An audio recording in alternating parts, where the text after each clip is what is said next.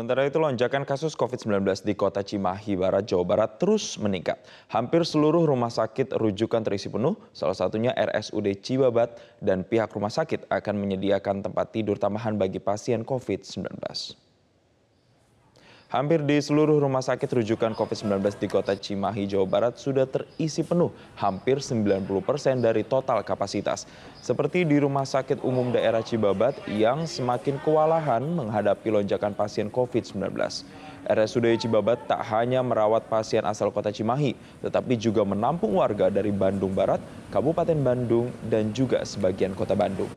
Saat ini ketersediaan fasilitas tempat tidur di RSUD bagi pasien COVID-19 sudah terisi penuh 100 persen. Lonjakan COVID-19 sendiri terjadi dalam 10 hari terakhir yang sebagian besar berasal dari klaster keluarga pasca libur lebaran. Data dari Dinas Kesehatan, lonjakan positif COVID-19 di kota Cimahi cukup mengkhawatirkan, yaitu sekitar 30 hingga 40 kasus dalam sehari selama sepekan terakhir.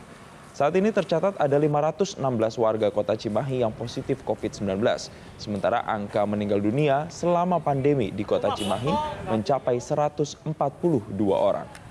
Budiana, ini terkait dengan geliat usaha dan juga industri Bu di tengah pandemi khususnya di ibu kota. Kalau kita lihat kan sudah dua tahun tadi gadis bilang kita sudah masa pandemi tentu ini juga memukul sekali banyak sektor. Salah satunya adalah di sektor dagang dan industri. Apa strategi yang bisa dilakukan Kadin Bu untuk menjaga agar uh, sektor dagang dan industri ini tetap bergeliat begitu Bu? Ya, alhamdulillahnya eh, kami dengan Pemprov DKI khususnya Dinas UMKM, Dinas eh, Trans, apa, Tenaga Kerja eh, itu berkolaborasi. Jadi eh, kami sekarang ini eh, eh, kita ketahui lah bahwa eh, APBD untuk eh, makanan, minuman pada saat eh, rapat-rapat eh, itu Pemprov DKI sekarang tidak boleh lagi membeli dari uh, yang tidak masuk di dalam e-order. Nah, ini teman-teman terbantu sekali untuk khususnya teman-teman UMKM di bidang kuliner. Pada saat pandemi kan mereka yang terdampak sekali dan sekarang ada yang dinamakan e-order sehingga semua produk-produk mereka khususnya Jackpreneur masuk di dalam e-order. Dan APBD yang tadi saya sampaikan tidak boleh lagi keluar dana tunai tetapi melalui e-order e-order tersebut sehingga semua produk-produk dari teman-teman UMKM inilah yang uh, menjadi supply di dalam pelaksanaan pada saat eh, teman-teman uh, di Pemprov melakukan rapat-rapat. Nah ini uh, salah satu adalah menggiatkan ekonomi uh, pada saat pandemi dan khususnya kepada yang teman-teman terdampak di bidang kuliner itu yang ya. Alhamdulillah uh, uh, Kadin DKI Jakarta berkolaborasi dengan uh, Pemprov itu Mbak. Ya, salah satu yang terdampak itu adalah bidang kuliner. Tapi dari se secara keseluruhan dampak dari PSBB pengetatan segala macam itu uh, sebenarnya berdampak paling berdampak itu terhadap industri apa Bu dan berapa banyak kerugian yang dialami uh, dari para pengusaha ini? Ya, karena kan eh, 90% di DKI Jakarta itu adalah eh, UMKM. Sehingga eh, kita ketahui juga bahwa eh, produk yang ada adalah hanya bidang jasa dan perdagangan. Tentunya ini eh, pada saat pandemi itu ter, terhajar sekali kita teman-teman karena eh, pada saat kondisi itulah yang sangat berpengaruh kepada perdagangan dan eh, eh, jasa. Nah ini ini eh, kita hmm, kalau boleh bilang menangis ya prihatin sekali pada waktu itu. Tetapi ya banyak kegiatan-kegiatan yang akhirnya tidak bisa tinggal diam kemudian eh, teman-teman melakukan inovasi-inovasi uh, ya alhamdulillah sih uh, sekarang kelihatan geliat ekonomi uh, baik itu teman-teman di uh, UMKM maupun alhamdulillah di korporasi juga sudah mulai uh, ada kegiatan di di mana uh, kita lihat uh, sudah mulai adanya uh, order bahan baku dari luar yang sudah mulai uh, ada peningkatan uh, import dari uh, bahan baku yang dibutuhkan oleh teman-teman di industri. Oke, Bu Diana boleh digambarkan Bu secara spesifik ini peningkatannya bisa diukur uh, melalui apa? Kalau kita bandingkan kan mungkin di awal-awal pandemi ini hmm. banyak usaha dagang dan juga industri yang kemudian sangat drop, sangat uh, jatuh, jatuh since ya. pandemik ini hit di uh, seluruh dunia termasuk di DKI. Lalu kemudian ada penyesuaian-penyesuaian kebijakan seperti PSBB kemudian berubah menjadi PPKM yang kemudian para usaha uh, geliat usaha ini bisa kembali beroperasi lagi. Nah, ini peningkatannya seperti apa Bu gambarannya secara spesifik? Bisa dilihat atau diukur dari apa? Kalau kita bicara year to year, uh, tahun ini uh, kelihatan sekali dari pemulihan ekonomi yang uh, program-programnya sudah berjalan, yang sudah disampaikan oleh Menteri Koordinasi uh, Koordinator bahwa uh, 39,7 persen posisi pada saat semester awal ini sudah terserap. Nah, ini yang kita bisa menjadi indikator di mana uh, kalau bicara year to year uh, tahun lalu itu bahwa uh, posisi saat ini sudah cukup membaik dan yang di justru di, diteriakannya ini uh, oleh teman-teman sekarang ini bukan lagi berbicara permodalan, tetapi mereka berbicara bagaimana uh, market mereka ini bisa berkembang. Nah, ini mudah-mudahan uh, supportnya sudah bagus dari perbankan dan uh, tinggal bagaimana kita meningkatkan uh, daya beli masyarakat itu yang uh, saya rasa sekarang ini uh, kalau dilihat perbandingan dari tahun lalu sudah uh, alhamdulillah. Bu Diana bicara soal market yang berkembang sebetulnya dari evaluasi data yang masuk usaha jenis apa sih Bu yang kemungkinan akan terus bertahan di masa pandemi dan kenapa Bu? Eh, kalau di sekarang ini yang sedang menjamur itu adalah dari bidang kesehatan ya. Itu teman-teman eh, kelihatan sekali eh, trennya meningkat di bidang kesehatan. Banyak sekali membuat klinik-klinik baru. Nah, eh, jangan sampai ini menjadi anomali yang tidak baik. Mudah-mudahan uh, pada saat nanti pun uh, kita berbicara pandemi sudah selesai, ini tetap uh, bagus. Dan yang sekarang ini adalah uh, bagaimana teman-teman pada saat uh, apa uh, penjualan di uh, sektor uh, konsumsi. Nah, sektor konsumsi ini masih yang paling tertinggi. Jadi uh, kalau kalau melihat pertumbuhan ekonomi, ini masih berbicara hanya pada sektor konsumsi. Tetapi kalau kita berbicara lagi bahwa uh, secondary uh, dari uh, produk-produk yang dibutuhkan, nah ini yang masih lambat.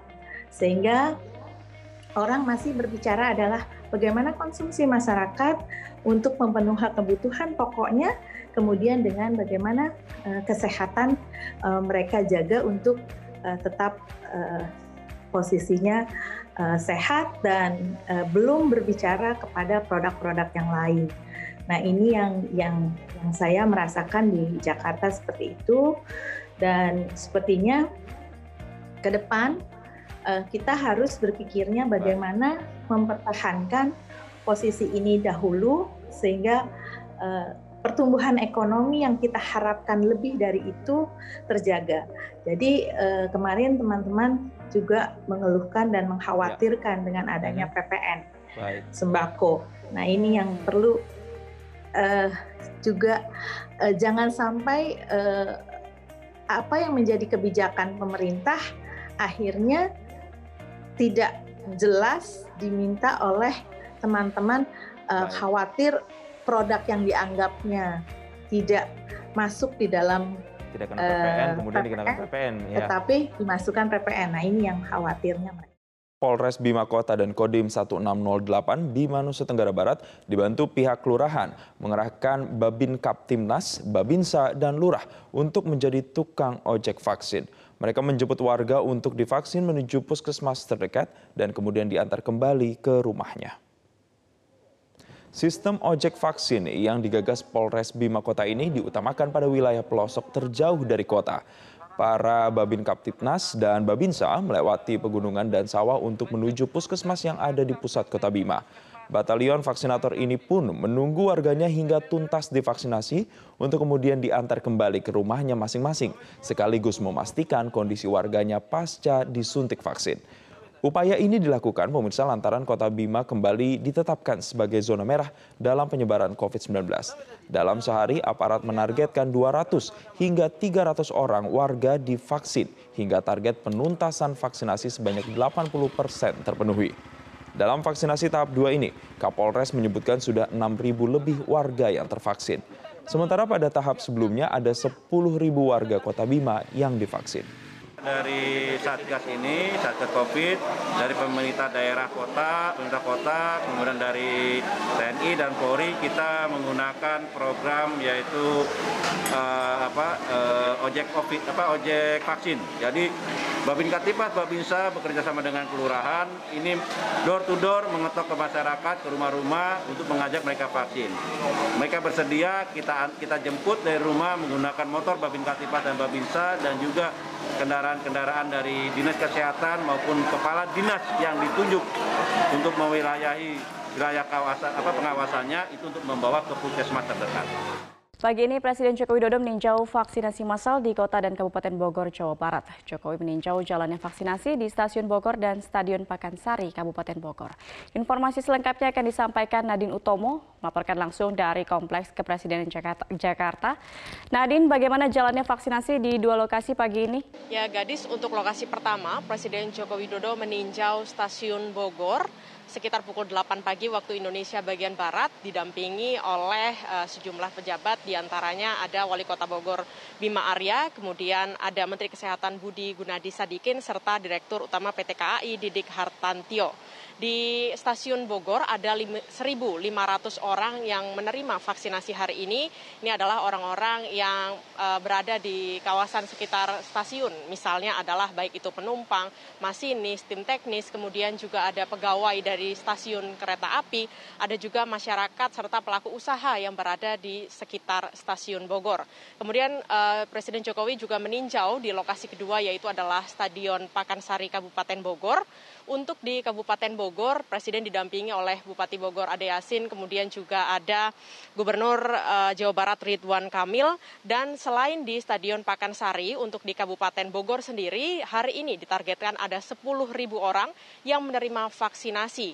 Saat meninjau, Presiden Joko Widodo selalu memastikan apakah proses ataupun rangkaian vaksinasi berjalan dengan lancar mulai dari pendaftaran, kemudian proses screening, hingga penyuntikan vaksin. Biasanya kemudian Presiden Joko Widodo juga menyapa sejumlah warga yang menerima vaksin. Saat meninjau di Stadion Pakansari dari pemerintah uh, di Kabupaten Bogor ini menyiapkan sebuah uh, panggung ataupun layar untuk telekonferensi yang memungkinkan Presiden Jokowi memantau serta berbincang dengan sejumlah tim vaksinasi di sejumlah unit seperti puskesmas ataupun rumah sakit. Kemudian Presiden pun memulai perbincangannya dengan sejumlah tim vaksinasi untuk memastikan bahwa bisa hari ini dikejar target penerima vaksin. Misalnya dari Rumah Sakit Permata Jonggol, Puskesmas Cimandala serta Rumah Sakit IMC Sentul dari sejumlah rumah sakit dan puskesmas yang diajak bicara oleh Presiden. Setidaknya ada variasi penerima vaksin yaitu 200 hingga 700 yang ditargetkan dapat rampung hari ini. Usai berbincang, Presiden Joko Widodo juga memastikan bahwa ada target yang harus dicapai di Kabupaten Bogor tersebut. Ya, Nadine, lalu apa target yang disampaikan Presiden Jokowi saat meninjau ke Bogor tersebut? Ya Presiden Joko Widodo menyampaikan bahwa untuk di Kabupaten Bogor dalam dua bulan ke depan vaksinasi ditargetkan rampung atau setidaknya akan disuntikan kepada mayoritas penduduk di sana dan akhirnya akan memunculkan kekebalan komunal atau herd immunity dan ini ditargetkan di bulan Agustus atau dua bulan ke depan. Untuk itu Presiden Joko Widodo memastikan bahwa masyarakat terutama yang bekerja di sektor yang memiliki mobilitas ataupun interaksi tinggi dengan masyarakat dapat segera menerima vaksinasi misalnya eh, pelaku pelayanan publik, guru, lanjut usia, pelaku ekonomi, serta sejumlah tenaga kesehatan yang hingga kini belum mendapatkan vaksinasi. Berikut pernyataan selengkapnya dari Presiden Joko Widodo. Tetap bekerja keras mempercepat eh, program vaksinasi ini secepat-cepatnya target kita paling tidak di Kabupaten Bogor ini bulan Agustus itu sudah tercapai kekebalan komunal. Yeah. Ya, tentu saja kita melihat bahwa di Indonesia ada 145 varian baru COVID-19 dan ini diyakini oleh Kementerian Kesehatan dapat uh, menciptakan ataupun jika orang sudah divaksinasi maka bisa kebal dari varian tersebut. Untuk itu Presiden Joko Widodo selain memastikan bahwa vaksinasi bisa dilakukan dengan cepat, tepat dan akurat juga berharap bahwa kekebalan komunal, komunal dapat segera tercipta di Indonesia.